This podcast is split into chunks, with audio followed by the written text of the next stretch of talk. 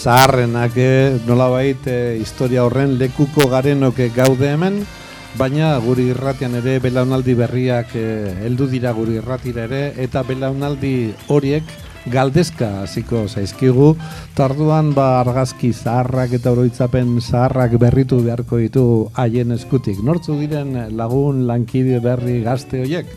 Ba, Amaia Arostegi eta Jon Castañeda, nostalgia izeneko musika zaio edarra egin izan dutenak eta orain anabasa egiten dutenak. Ba, beraiek dira interpelatuko gaituztenak orain.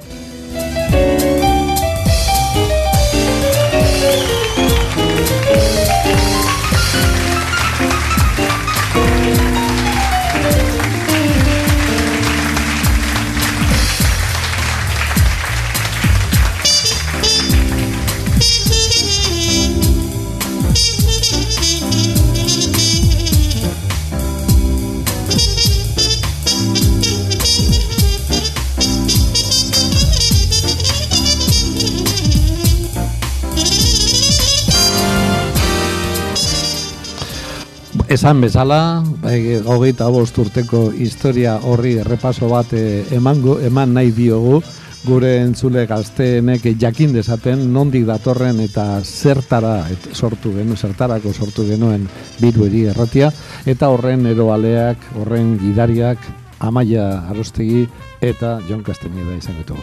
Kaixo berriro ere bioi eta zuen eskuetan gaude. Hori, arratzen Bai, leon, danoi. Bai, paragikoa da, ez? Justo Bai, pixka bat. gazteenak. Irrati hau jaio zenean, gu oraindik jaio gabe ginen. Imaginatu. Ze zaharra garen. Gene bada. Edo guze gazteak, ez dakit. Baina, bueno, egon gara e, begituten, ez? da. Informatu Bai, gara. bai, Eta, bai. bueno, pizka bat, hori, e, nondik etorri zen irratia sortzeko ideia? Ba, irratia sortu baino urte bi, urte bi eskaz lehenago, kafe antzokia sortu zuen zenbat gara elkarteak. Eta kafe antzokia zer den eta bere garrantzia denok jakina da, ezta? Eta kafe antzokia gehien bat esango genuke zuzeneko harremanetarako. Eh? Euskaldunen arteko harremanak trinkotu, bultzatu nahi ziren, sustatu nahi ziren, eta toki referentzial bat eh, nahi zen, eh, eraiki nahi zen Bilbo erdian, Euskaldun horiek nolabait deserrotuta, sakabanatuta zeudenek, ba, toki bilgune bat eh, izan zezaten, baina kafe antzokian nolabait esan, e, bai menu bat e, jaten edo kontzertu bat entzuten edo hitzaldi bat entzuten edo dena delako egiten, e, zuzeneko harremanak sortzen dira eta bultzatzen dira. Baina ordurako zenbat gara elkartean bertako arduradunak konturatu ziren edabideek sekulako garrantzia dutela gizartea eratzeko ordu horretan. Eta garrantzi handia eman zioten horri, eta iruditu zitzaien nolako, nolako utxune handia zegoen dial horretan euskarazko herriat, irratiei zegokienez, ba irrati bat egin behar zela. Eta erabaki zuten irrati urbano bat, irrati moderno bat egitea, eta hortik izena, ezta? Bilbo, oso lotua Bilbori, Euskal Herriari ere bai noski, eta iria, Bilbo iria, iritartasun hori aldarrikatu nahi zuen irratia zen. Eta lortu du, ez? Zer, Javi? Bueno, ez dakit, eh, gure mm, gu azkenean eh, definitzen gara em, edabide mm, komunitario bezala, da, gure mm, komunitate batera, batera zuzentzen den erabi- edabide bat, eta kasu honetan Euskaldunak. Euskaldunak Bilbon oso sakabanatuta, oso sakabanatuta gaude, bizi gara, eta ez bakarrik e, e, geografikoki auzoetan bizi gara gure gogo eta jarduerak ere ba, bueno, sakabanatuak egituratu gabeak dira, hori da as- aspaldi honetan e, euskalgintzatik egiten dan e, e, dia- diagnosi bat, baina em, gure gure helburuetako bat hori da, ba, trinkotzea eta ekarpentso bat egitea trinkotze horretan. Gu kuantitatiboki i- in datu edo zenbaki handietan ez gara mugitzen, guk eh, eh, eginkizun hori daukagu eh, lehenengo lehenengo.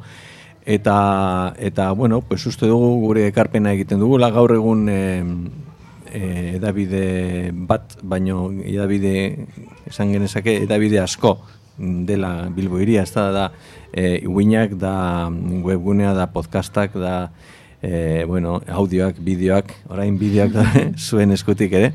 Bai, eta, mm, eta hibridazio horretan, pues, e, saiatzen gara e, alik eta hori, e, gehien, e, bide gehien ekiten. Eta, bueno, pues ez dakit, e, noraino e, neurtu daitekeen hori e, kopurutan, e, kua- e, termino absolutetan, e, hor badago kontzeptu oso labangarri eta kritikatua irismenarena, eta horretan e, bueno, gidatzen da pues, e, Eusko Jaurlaritza esate baterako ba, e, diru laguntzak eta emateko garaian. Gure irismena e, kuantitatiboki baino kualitatiboki neurtzen dugunez, guk e, uste dugu gure ekarpena balekoa dela, nahikoa e, bueno, ekarpen bate badela, esanguratsua dela, Eta hori bai, nahi dugu eh, askoz gehiago iritsi, askoz gehiagoren gana eta askoz eh, hobeto. Nik uste dut, azken bideo horretatik hobeto edo horretatik eh, kalitatetik eta eta mm, atxikimendutik eh, em, dagoela gure gure bidea eta bide hori egiten ari garela. Eta gogoratzen ez irratiko zuen lehengo egunak? Eta irratiaren sorgaren lehengo egunak? Bai, nik oso gogoan daukat, e, baskaloste batean nahi nintzen, kafea lasai-lasai hartzen, etorri zen osta-osta ezagutzen zuen ezagutzen nuen lankide bat eta esan zian, Xabier, behar zaitugu erretean hitz egiteko. Nik ez dut inoiz erretean batean hitz egin. Berdin da, hause izango da lehenengo aldia, eraman ninduen, urrengo egunean berriro deitu ninduen, eta errati honetan, bak, iso, hanka bat, esartu eskero ja betiko gelditzen za, eta arrezkero, uste dut horrela hasi ginela dena. Ez, hori anedotari alde batera e, utzita, nik uste dut merezimendu handiko irratia dela gure arrazoi batengatik. Bai kafean, a, kafean tzokia bezala, e, irratia ere bai, ar, erro argitaletxea eta gainerako zerbitzu guztiak zenbat gara e, kultura elkartearen barruan daudenak, ze ez dugu esan, baina hoiek guztiak zenbat gara Euskara elkartearen barruko zerbitzuak dira eta emaitzak dira, ba nola baita esan, e, denak sortu ziren Gabriel Aresti Euskaltegitik. Eta Gabriel Aresti Euskaltegian irakasle soil batzuk ari ziren lanean, eta konturatu ziren irakaskuntzatik arago, ba, nolabait Euskaraz bizitzeko tokiak, erreferentea, erreferenteak behar zirela, eta horregatik eta horretarako sortu zuten kafean txokia irratia, baina mikrofonoaren aurrean jarri ziren haiek, salbuespen batzuk kenduta, irakasle soilak izan ziren, arian arian, arian arian, ez arian ez arian, ofizioa ikasiz joan zirenak. Eh? Eta hori bali handikoa da. Bai teknikaren aldetik, eta bai esataritzaren aldetik. Sekula ere mikrofono baten aurrean jarri gabeko jendea jarri zen mikrofonoaren aurrean eta pizkanaka pizkanaka ba lanbidea ikasi joan ziren eta esan, nik esango nuke oso maila honeko jendea daukagula gaur egun. Egia da garai batean erratiak e, kasetaritzatik ere jo zuela eta Anje Dualde, ba, Baionako irratian esperientzia handia zuena ekarri genuen, eta beste kasetari batzuk heldu ziren Fermin Etxegoien, Mieltxo Monfort, eta beste beste batzuk. Baina, haien alboan, eta hori da irrati honek duen politena, irakasle soila dena, ba, kirol emanaldi bat egitera pasatzen da arratsaldean edo emakumeen saio egiten du, edo, ez dakit, edo kafean txokian zerbitzari ibili den bat, teknikari, ba, teknikari da ibilkigu. Hau da, hori da balio handiko jendea daukagu inguruan. Nik neuk aitortu behar dut, etxe honetan, etxe bezala konsideratzen badugu, e, osotasunean, zenba gara, e, nire ibilbidea ere irratiarekin, edo irratiaren bidez e, hasi noela, hain zuzen ere, mm, lagun bat neukan e, nirekin kasetaritza ikasitakoa eta egunkarian behatera ibilitakoa, aitor e, zuberogoitia, eta arek deitu zidan, ba, kolaboratzeko, kolaborazioak egiteko, internet orduan oso ezagun, ez ezaguna zen e, tresna berri horren e, inguruan, ezta? Hor mugitzen zenaren inguruan eta idazten nuen ez ba egunkarian horren inguruan, pues hasi nintzen e, e, kolabor, kolaborazio horiek egiten. Gerora Mieltxo Monfortekin eta horrela hasi nintzen. Ni neu ere irrati munduan e, oso oso gazte hasi nintzen, amazortzi urterekin, e, largo eta bederatzean, beraz atera kontuak. bai, bai, bai. Egin, Ha, begira, iz- izan zan ez, e, webgune aukieban lehengo irratia, edo lehengo tarikoa. Lehenengo Euskal Herri osoan, eta Hori Euskal Herri osoan, berak, berak, berak ez du esango, eta horre eduna Javi Zabala jauna, izan zen irratia.com martxan jarri zuena, eta gero handik eh, Bilbiri erratira pasatu zuena. Bai, bueno, bai, e, lehenengo webgunea, e, bai, irratia.com izan zen, baina bai, e, e, Bilbo iria adibidez izan zen, en podcasta egin zuen, egiten hasi zen lehenengo irratia, bai. 2000 eta lau inguru horretan. Beraz, bueno, ez dakit, lau edo, edo sei, ontxe bertan e, naiz gogoratzen oso ondo. Konsultatu beharko dut. Eta beti abanguardian, beti abanguardian. Bai, eta oso modan dago, guri pixka bat grazia eta guzti egiten du, gustatzen. Jo, orain oso modan do, daude podcastak. Guretzat modaz pasata ere badaude, ze Javi orain dela ama posturte hasi baitzen alakoak egiten, ez da? eta- bueno, goaz ginenean podcasta egiten, ez genekien izen hori zeukanik. Eta zelan, deitzen zenien? Eske egiten genituen eh, MP3ak, osea, eh, bai egiten genuen modu ta. horretara. Baina ez genuen egiten software eh, automatizatu bat, bueno, bai egia da.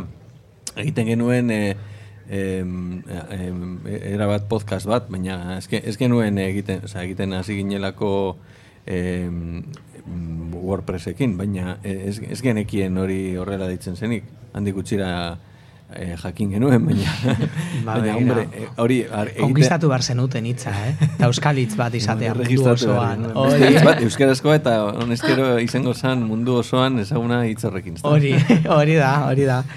Ba, bueno, gero eh, gogoratzen duzu zuzeneko berezien bat, edo eh, zein da deko zuen, irrati honegaz erlazionatuta, deko zuen noritzapenik politena edo kutunena. Asko, asko eta askotarikoak. Asko eta askotarikoak nik eh, sekula ere ez dut abaztuko adibidez Mieltxo Monfort, gure lankide maiteak, eta uginetan egaldatu denak, egindako egindako magazinak eta eta eta bere egiteko modua.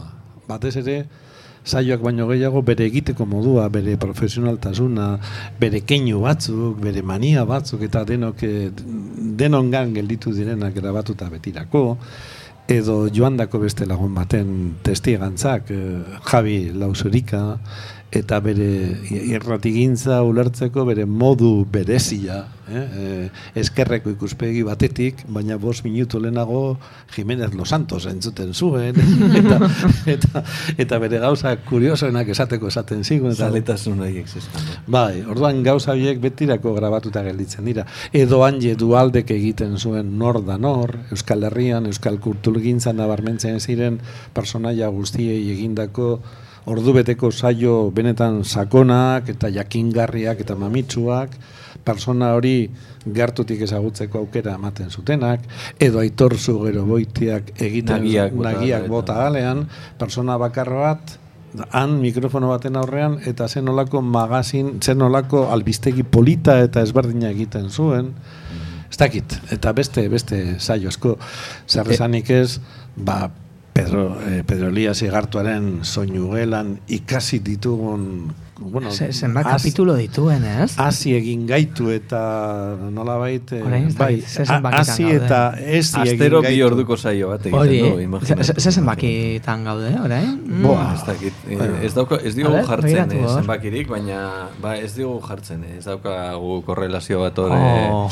baina bueno, eh, igual egin zenbatu ditzakegu agian, bai. ez dakit, ez dakit posible izango den, ze garai batean, egiten ziren eh, audioak eh, formato propietario ezberdin batekin eta montaje, bueno, bitxi samar batekin, eta horiek ez ziren gordetzen MP3 moduan. Eta bueno, ja, eh, sartu genuenetik eh, MP3en asunto eta hori, orduan hasi ginen ja gordetzen eh, online eh, audio guztiak, eta hortik aurrera kontatu daitezke, baina bueno. Bai. Nik esan beharra daukat gaina, soinugela, esenla pro, programa propio bat bezala hasi egiten. Soinugela izan zen ziutateaz Fermin Etxegoienek arratzaldetan hiru orduko saioa egiten zuen hortan, sekzio bat zen, Pedrolias egiten zuen sekzio bat zen, eta Bai. horren ari gero etortzen soinugela, baina lehen nik horatzen du leheko bi urteak, zanela ziutateaz hiru orduko magazin bat arratzaldero egiten genituen, eta hor Pedroliasek parte hartzen zuen, astean behin edo Hori Pedro da. Elias bazetorren ja, bueno, beste, bueno, txomin barullo irratian egiten zuen e, bere garaian beste irrati, desagertutako irrati batean, Bai. egiten zuen e, e, saio bat, bueno, bera e, leyenda bat da, ez, muskarian ibilitakoa, eta ber. Bueno, eta Ibon Ibon da, hitz egin, islari, no? hitz Islari egin bihurtu zaigu, Gutxitan islari ibiltzen da, baina Ibonek, kontu ez, eta claro. Ibonek kontat, bueno, kontatu ezin diren saio batzuk ere gogoratuko ditu berak. Eh, gau, Gau- gau basa eta alakoak. Ga- gaubasa. Eh, bueno, gure, Gauasa? Gure, bai, Ui, bai. hori jabe nahi dut, gero, gero kontatuko diguzu. Gaua eta basa, imaginatu. basa- Gaua eta basa basatia. eta basapiztia bi. Eh? Alde batetik aurkezlea bas, Iñaki Burieneku nahiko basapiztia eta bere laguntzaile zuzena. Eta gure Anartz. Eta anartz. Dupont eta Dupont. eta bere laguntzailea gure komandantea. Agustin. Etxebarria basakatua. Feliz Rodríguez de la Fuenteren eh, sintonia jartzen. Ah, bai. Tirin, tirin, tin. Horixe. Ba, bueno. Eh, Zenbat oroitzapen, ze politak. Bai, Bai, bai, bai, bai, bai. Ta, bueno, uste hotez, konbiatu gehiago daudela hor. Hor, Bai. Man barko diegu pasu. Baina hori baino lehen, ez? Bai, zuek ere kontatu beharko zuen zerbait, ezta? Ze Ah. denok ari gara, eta ja nolabait eh, sartzaroko kontuak eta orain gaztaroko eta Gureako pasatuko gara, eta esango diguzue labur bada ere anabasa zer den, publizitate da, Ah, bai, poliziak bai, bai. esaten duen bezala, hemen galderak nik egiten ditut. Polizia gaiztoaren rola hartzen. Ba, anabasa da... Mm, zer da anabasa, Maia? Venga. zuk, zuk, zuk. Nik, bueno, ba, anabasa da soroaldi bat, eta oso guai dagoena. E, ez dakit, maitasun osoz, ekoitzitako programa berri bat, eta nahi duguna euskal munduko jendea ekarri, eta ez egiten diren elkarrizketa mitikoak. Baizik eta laguna artean soltatzea eta kontatzea bera zelakoa den. Osa, ba, ezagutzen dugu, adibidez, e, artista baten artista fa faceta. Baina, bera zelakoa da gero e, pertsonalki. Ba, hori, hori nahi dugu. Eh, Bai, harremanetan, eguneroko egunerokoan. Eta hor gaude, e, eta bueno, ba oso Bagoaz pozik. aurrera. Bueno, esan behar bai, dugu, bai, bai. ikus entzunezko elkarrizketa dira. Ikus daitezke ez, gure Bai. YouTube kanalean. Bai, eta, e, bueno, eta gero hori igotzen dira, bueno, di- ditugu Instagram, e, Twitter, Twitter. TikTok, inditugu guztiak, eta ho- hori igotzen dira, eta e, kuriosoa da, adibidez, aurrekoan e, Instagramera igo genuena, eh, Samaia? Bai, ikerren zati bat, nahiko ikus, ikustaldi desenteko ditu. Claro, igotzen ditugu zatikatuak, ba, adibidez, e, berrogei segundu. Eta gauki ditu iru mila edo e, ikustaldi. Orduan esan du, jo, hau, hori, formatu berria, Juan Probetan, oso ondo Bai, hori pasetan da dugu. irismena, irismena. Ta, ta, ta ez, ta, mm, zeo zer desberdina, ta freskoa. Zuek eh, egizue guk egiten ez duguna, eta segurazki asmatuko duzu. bueno, asmatzea oso zaila da, baina e, esan dozuen moduan, ez? E, hau e, ez dugu neurtzen kuantitatibotik, kualitatibotik baizik. Eta begira, hogeta bost urte, ja gara, egotea, bai. hogeta bost urte, hori, bai dela irabaztea, eta... Eta irauteare bada Eta- lorpena, eh? Bada, bada gainera FM-arekin euki zenituzten, edo ez dakit dituzuen oraindik. Eduki, eduki da. azkargo, bai. arazotxoak, Bueno, eta- baina ospakizunetan murgilduta gauden. bai, bai, bai. bueno, eta hor lotura bat ikusten dut anabasa, lehen aipatu dugun gau basarekin, ez? Basa, basak dira biak, eh? Hor Bai, bai, zerbait. Eta dena bastante soroak hor kontateko segiten duen jendeak gauean, eta Vale, ba. begitzen ez dugunean. Agian basakatuari deitu beharko diogu berri. Bai, bai, bai.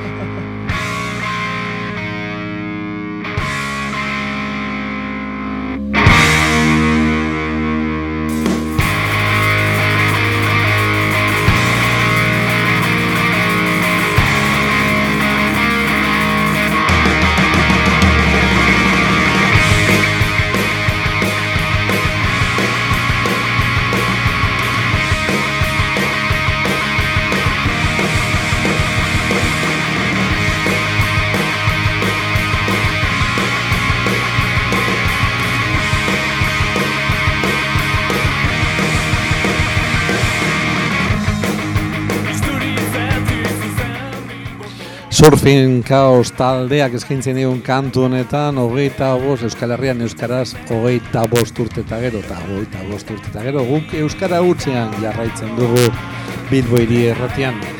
Anabasa saio berriarekin ikusi, entzun ez ezik ikusi ere egin daitekena gure zerbitzu horretan, berri horretan. Horren eh, antolatzaileak, horren arduradunak, gure artean izan ditugun bi lagunak, Amaia Arostegi eta Jon Castaneda, mila esker, eta ondo ondo joan dakizuela saioa, eta batez ere goza egin dezazuela. Eta gozatzen dugu, eta mendi jarraituko dugu. Orduan, hogeta urte, gehiago izan daitezela. Mila esker. Agur. Agur.